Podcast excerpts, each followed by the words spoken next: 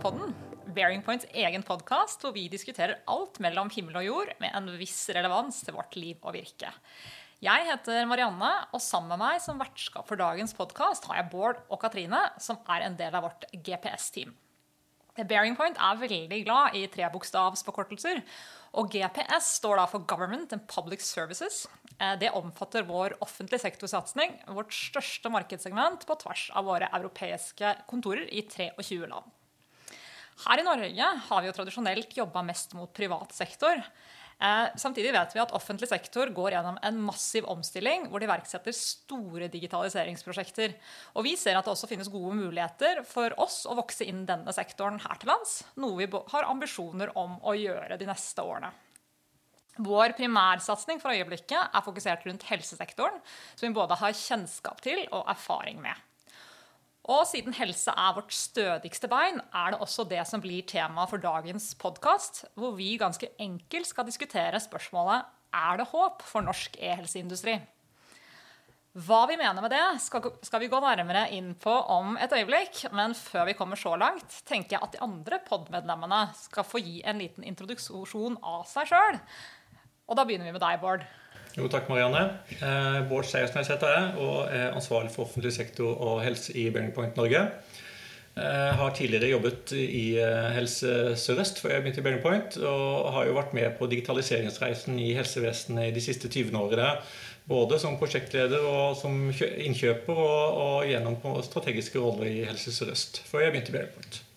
Hei, jeg heter Katrine Bryne. Jeg kom til Bearing Point for eh, over et år siden. Jeg kommer da fra legemiddelindustrien og har jobba med ulike prosjekter innenfor kliniske studier, helsedata og har en stor interesse for e-helseområdet. Eh, og nå er jeg en del av GPS-teamet i Bearing Point. Og jeg er vel det siste medlemmet av GPS-teamet. Jeg heter Marianne Mørk Riley. Er ikke spesialisert innen helse, men har jobbet med offentlig sektor eh, og ulike deler av offentlig sektor. Eh, særlig knytta til endringsledelse. Det var kort om oss. Eh, men dagens tema det er jo e-helse. Eh, og e-helse har blitt et buzzord i helsetjenesten i dag. Men hva er egentlig e-helse, og hvorfor er det så viktig å snakke om akkurat nå? E-helse det tenker jeg er jo på en måte en sammenbetegnelse for alt som skjer rundt digitaliseringen i det norske helsevesenet. Det er jo et ord som kanskje er blitt mer brukt de siste årene enn det det ble brukt tidligere. Da det var mer omtalt som IKT og, og, og teknologiutvikling.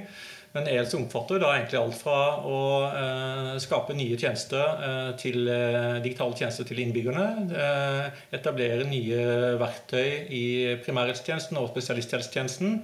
Og all annen type bruk av teknologi for å forbedre eh, den norske helsetjenesten i sin helhet. Og vi ser jo at uh, som samfunnet generelt har digitalisert seg veldig, veldig fort de siste årene, så har det òg påvirka helsesektoren. Samtidig så ser vi òg at digitalisering innen helse går litt saktere enn andre, andre bransjer. Og OECD kom med en ny rapport eller ikke for så lenge siden, hvor de faktisk sa at helse lå hele 10-15 år bak andre næringer når det gjelder digitalisering. Så selv om det skjer veldig, veldig mye på e-helsefronten, så har fortsatt vi har en, eh, en, stor vei å gå, og det er jo masse muligheter som kan bidra til enda bedre helsetjenester og til det beste for pasientene. Men i 2018 så fikk vi da den første stortingsmeldinga for helsenæringa. Eh, hvor målet da var å bidra til økt konkurransekraft Eh, I behandling av den meldingen så uttalte eh, næringskomiteen enstemmig at vi må utnytte fortrinnet vårt eh, bedre. Og vi har som mål å bli da ledende på e-helse i Europa innen 2025. Hvordan skal vi egentlig få til det? Det er jo et stort spørsmål. Eh, jeg tenker jo Når, man, Stortinget er så tydelig på en måte i sine uttalelser gjennom behandlingen av helsenæringsmeldingen, så eh, er det grunn til å legge en tydelig forventning på offentlig helsetjeneste på å bidra til å nå det målet. Og, og sånn som eh, i hvert fall mitt perspektiv på, på norsk helsenæring i dag, er at det består av veldig mange små leverandører. Det er et fragmentert marked. Eh, det er fragmentert bruk av ELC hos kunden også. Som for så vet vi at Helse Sør-Øst har mange tusen forskjellige typer applikasjoner og løsninger som brukes ute i sykehusene. Eh, og de som leverer veldig mange av disse løsningene, er bitte små leverandører. Og så har vi fått et visst Noen helseleverandører av WLC-løsninger er jo begynt å få en viss størrelse etter hvert. Vi har jo sånn som DIPS, som, som, som leverer elektronisk pasientjournal til, til spesialisthelsetjenesten. Og litt mer etter hvert også. Som har vokst seg opp til å bli et nordnorsk IT-industrieventyr med hovedkontoret i Bodø og sterke i, i, i norsk spesialisthelsetjeneste. Vi har i Matis eh, som et godt eksempel på, på en DLC-virksomhet som har klart å, eh, klart å eksportere eh, norske løsninger til eh, hele verden. Eh, Australia, New Zealand, Danmark og en rekke andre land som de er representert. Eh, og vi har jo Sesam, som syns er spennende akkurat nå, blitt børsnotert med en ganske på en måte heftig verdisettelse av selskapet, eh, som gjør at, eh, at det virker som markedet har så stor tro på den type selskaper, som er mer en samling av selskaper de har kjøpt over tid, og som, hvor de har mange ulike løsninger som, som leveres til både norsk, helse, norsk helsetjeneste, men også selges i en rekke andre land.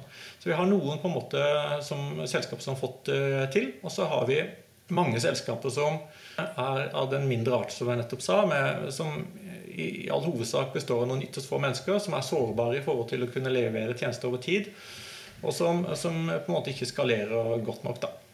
For det er jo et veldig stort marked for e-helse.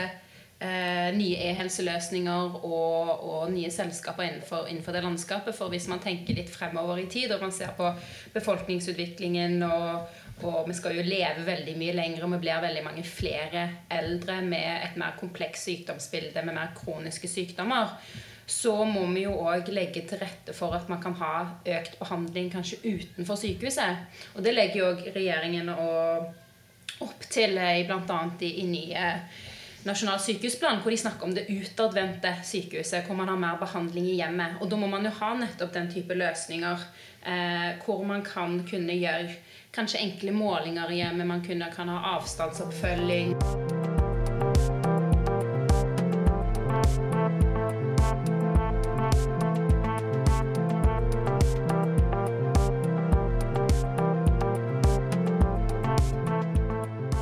Sant, Spørsmålet til Marianne var jo sant, hvordan skal vi skape en ledende norsk helseindustri uh, i, i, alt dette. og Hvordan skal på en måte, forvaltningen bidra til å nå og realisere Stortingets forventning da, om at Norge skal bli ledende innenfor helse. Uh, og jeg tenker jo De selskapene som jeg nevnte, har jo på en måte hatt en suksess. Uh, Uh, Dignio er et annet selskap som er verdt å nevne i, i forhold til hva du snakker om med avstandsoppfølging i hjemmet, som også uh, har jo synliggjort store ambisjoner. Uh, har begynt å få et bra hjemmemarked og, og har et, i hvert fall i mitt perspektiv et stort potensial. Så, så spørsmålet er liksom, hvordan, hva, hva, skal da til for, for, å lykkes med å etablere en kraftfull norsk elsindustri? Og, og, jeg tenker jo det at eh, det som trengs, er jo penger. Mm. Og gode rammebetingelser. Mm. Eh, og hvis vi tar det første først, eh, som går på penger, så er det jo stor investeringsvilje blant uh, ulike typer investeringsmiljøer til å investere i norsk ELSE. Altså, vi vet jo at teknologi er et vekstområde, helse er et vekstområde, og i midten av dette er det ELSE.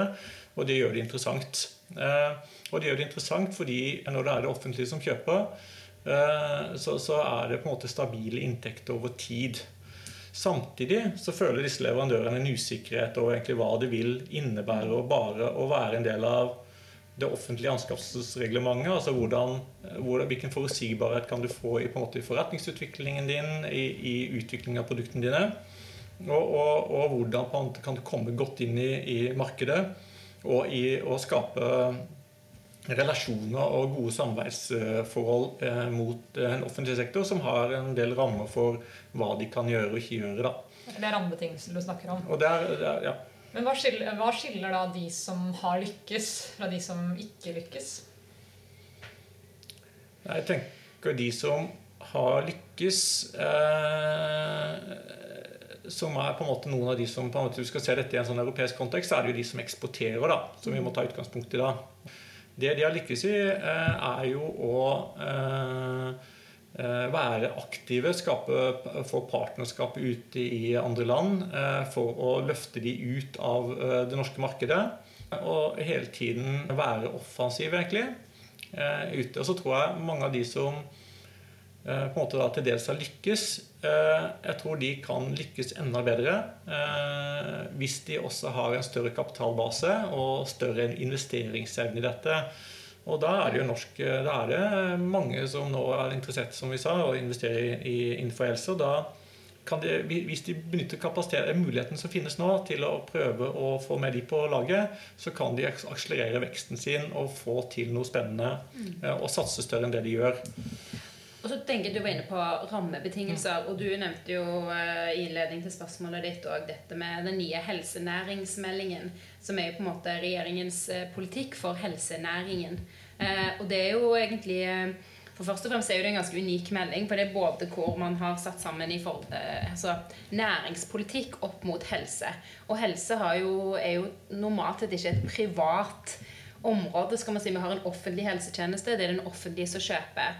Men her eh, de signalene som kommer fra denne stortingsmeldingen, og bl.a. signaler om at den skal bli verdensledende eller europeisk tror jeg det var ledende innenfor e-helse i 2025, så setter jo også det noen krav til de hvordan skal du tilrettelegge for gode rammer for norske e-helseselskap som vil vokse? Eh, og på en måte sånn som Bård var inne på, når du lykkes Du lykkes jo ofte når du går globalt, for det er jo der det store markedet er. Men du har mye lettere for å lykkes globalt hvis du klarer å bevise eller har mulighet til å starte i Norge. altså Det å kunne gjøre pilotutprøvninger, det å kunne komme mye tettere på det norske Eh, helsesystemet og teste ut løsningene dine først, for å deretter ekspandere. Eh, og tradisjonelt sett så har man kanskje hatt litt mindre kultur for offentlig-privat samhandling innen helse enn det vi ser f.eks. innen andre sektorer. Eh, men det endres jo, syns i hvert fall jeg. Da har vi fått nye signaler fra toppen på at man har en endring til det med offentlig-privat samhandling innenfor helse. Og det tror jeg blir viktig i forhold til e-helse eh, veksten innenfor e-helse vi skal se i Norge. da. Mm. Hvordan kan det offentlige legge til rette for at dette samarbeidet funker, og, på en måte gi eh, disse selskapene grobunnen de trenger? da? Det er et godt spørsmål. Jeg tenker, men jeg er jo enig med Katrine at eh, det er vanskelig å bli verdensmester hvis ikke du er først til norgesmester. Så, så hjemmemarkedet blir viktig eh, for leverandørene. Og i det så må man skape arenaer og rammebetingelser som gjør at de kan lykkes hjemme. Eh, noe, og, og, de rammebetingelsene må jo være både ut mot sektoren, altså sånn som eh, at det stilles krav eh, til hvordan anskaff skal gjennomføres. At det stilles krav til åpne grensesnittstandarder osv. som gjør at altså norsk helseindustri kan være kompatible med hverandre. For det er ikke sikkert at det er de, store funksjonsområdene som lab, røntgen osv., hvor det sto, finnes allerede store internasjonale spillere som vil være de områdene hvor vi har komparative fortrinn og på en måte kan kan, kan etablere de spydspissene, da, hvis du skal kalle det det. Ehm, så, så det, det, er jo viktig. Eh, et eksempel på å etablere gode rammebetingelser eh, gjennom anskaffelse er jo sånn som nå i Region Skåne, eh, som da de anskaffet ny elektronisk pasientjournal, stilte krav til leverandøren om å bidra inn i et innovasjonspartnerskap i Skåne med ressurser og, og både teknologi og mennesker. Eh, for å skape en utprøvingsarena for lokale leverandører som på en måte skal etablere løsninger og levere løsninger i randsonen av det de store gjør. Det er jo et eksempel på eh, mm. å stille krav i en anskaffelse til, til, til eh, internasjonal elindustri som også ønsker å komme inn i Norge. Mm. Så jeg tror ikke norsk elindustri skal utvikles ved at vi skal sperre grensene eller prøve å, å tenke at alt skal være nasjonalt. men men vi må finne de områdene hvor vi har noen store fordeler. da. Mm. Og, og, og, blant disse så tenker jeg sånn som helsedata. Mm. Eh, det er et område hvor vi eh, vi har, Selv om vi ofte klager litt på kvaliteten på registrene våre, så er de av høy verdensklasse. Eh, det er veldig mye god helsedata i Norge som, som kan tilgjengeliggjøres og som kan brukes i etablering av gode analyseverktøy. Mm. Og, og, det er den digitale modenheten i befolkningen som gjør at kanskje avstandsoppfølging og den type uh, mer hjemmebasert uh, behandling blir, er lettere i Norge enn det er i mange andre land, og som gjør at det er lettere å teste ut uh, løsningene her hjemme før, før, de kan eksporteres.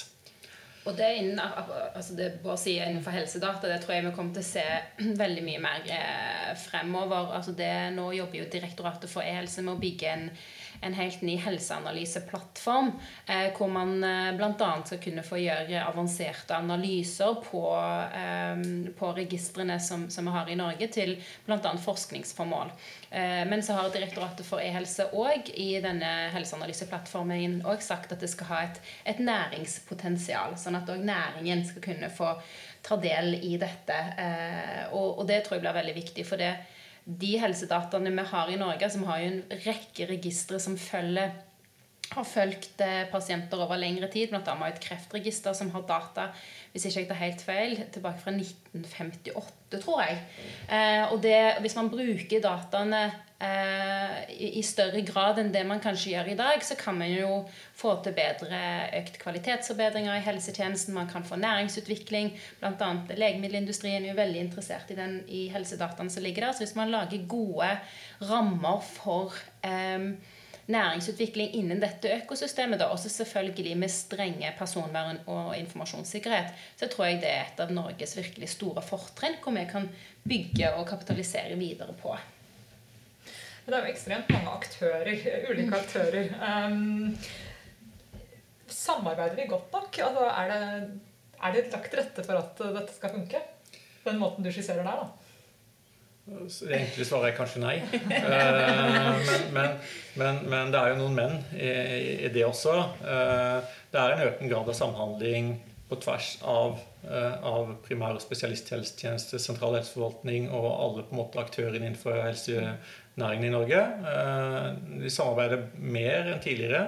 Jeg tror det er en, økt bevissthet rundt Eh, bruk av innovative anskaffelser, prøve å lære hverandre, gjøre ting i samarbeid. Eh, jeg tror også det er en økt eh, bevissthet rundt begrensningene som i hvert fall tidligere har vært der i forhold til utvikling av helseindustrien.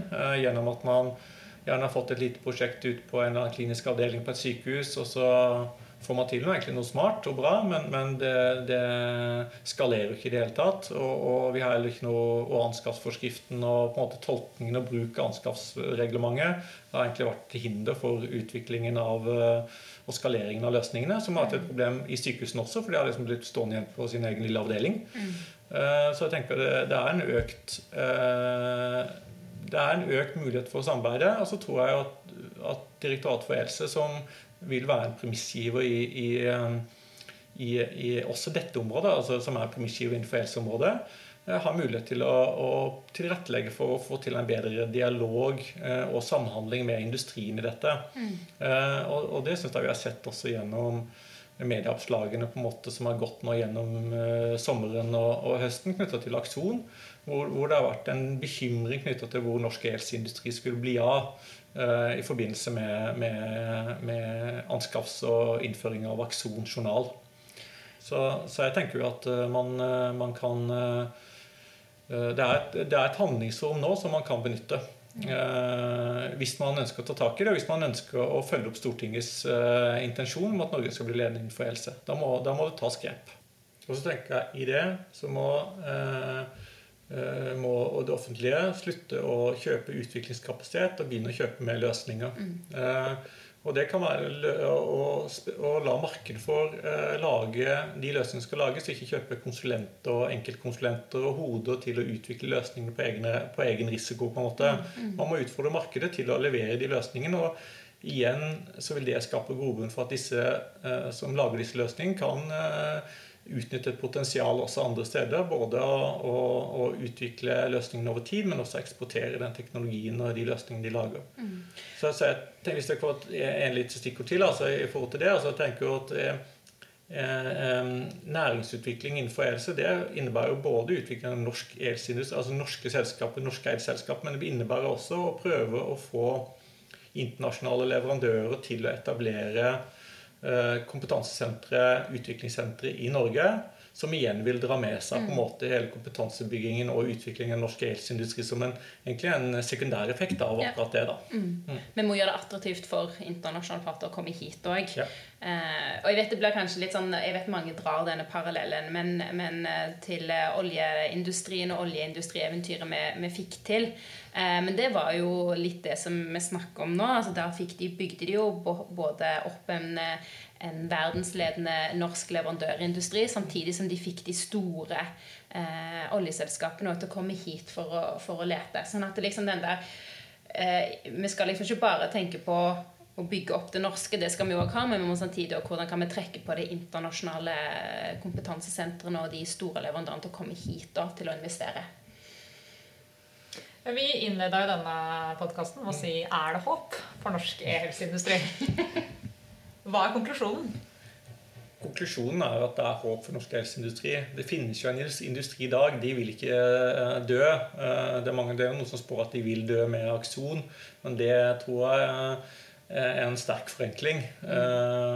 Så, så det er jo håp både i seg selv, men skal man løfte norsk helseindustri og nå de ambisjonene som er satt i Stortinget, så må man gjøre grep. Og da må man være mer enn da må staten ta en mer aktiv rolle i å tilrettelegge for eh, den helseutviklingen vi trenger for å få det til, og, ha rammebetingelser som understøtter industrien framover. Men svaret er eh, ja.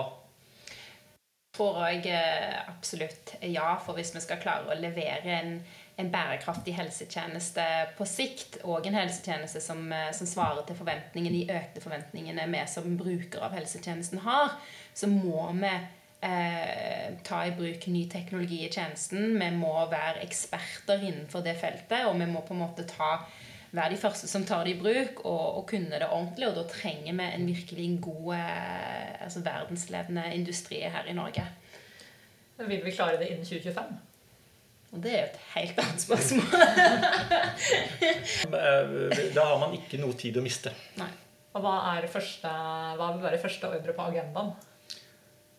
Jeg tenker at eh, et av de første eh, Man må ha et bevisst forhold til de, anskaffelsene og de store prosessene går nå. Det går en helseanalyseplattform som det jobbes mye med. Eh, Det skal igangsettes store anskaffelser både innenfor aksjonsjournal og aksjonssamhandling. Det er, store, andre store initiativ i forhold til legemiddelprogrammer og, og, og annet. Og, og man må være bevisst når man går ut og anskaffer, at man tilrettelegger også for for norsk industriutvikling eh, når man går ut og, anskaffer. Så tror jeg Direktoratet for helse eh, som premissgiver innenfor området har mulighet til å, ta ballen. Eh, Og jeg tenker det kan være lurt at de kommer litt raskt på banen. Fordi de kan da også være med å legge premissene og spille inn til departementet, Helse- og omsorgsdepartementet i forhold til hvordan de skal følge opp eh, alle, an, eh, alle andre deler av helsesektoren på, i næringsutviklingen. Så tenker jeg også at en eh, har god dialog og samarbeid mellom privat og offentlig gjennom hele det. For da, hvis man spiller, spiller, spiller på lag og hører hverandre på hva som er utfordringene på begge parter, så tror jeg man vil komme veldig, veldig langt. Og, og, og vi vet at både IKT Norge og Abelia har jo mye på hjertet her. eh, og, og jeg tenker den samhandling som egentlig Katrin litt etterlyste her, altså mer, mer samhandling med industrien og offentlige eh, kan være en god start på å løfte dette. Da tenker jeg at det kan stå som en siste oppfordring til Helse-Norge. Og så benytter vi anledningen til å takke for oss. Ha det bra! Ha det. Ha det.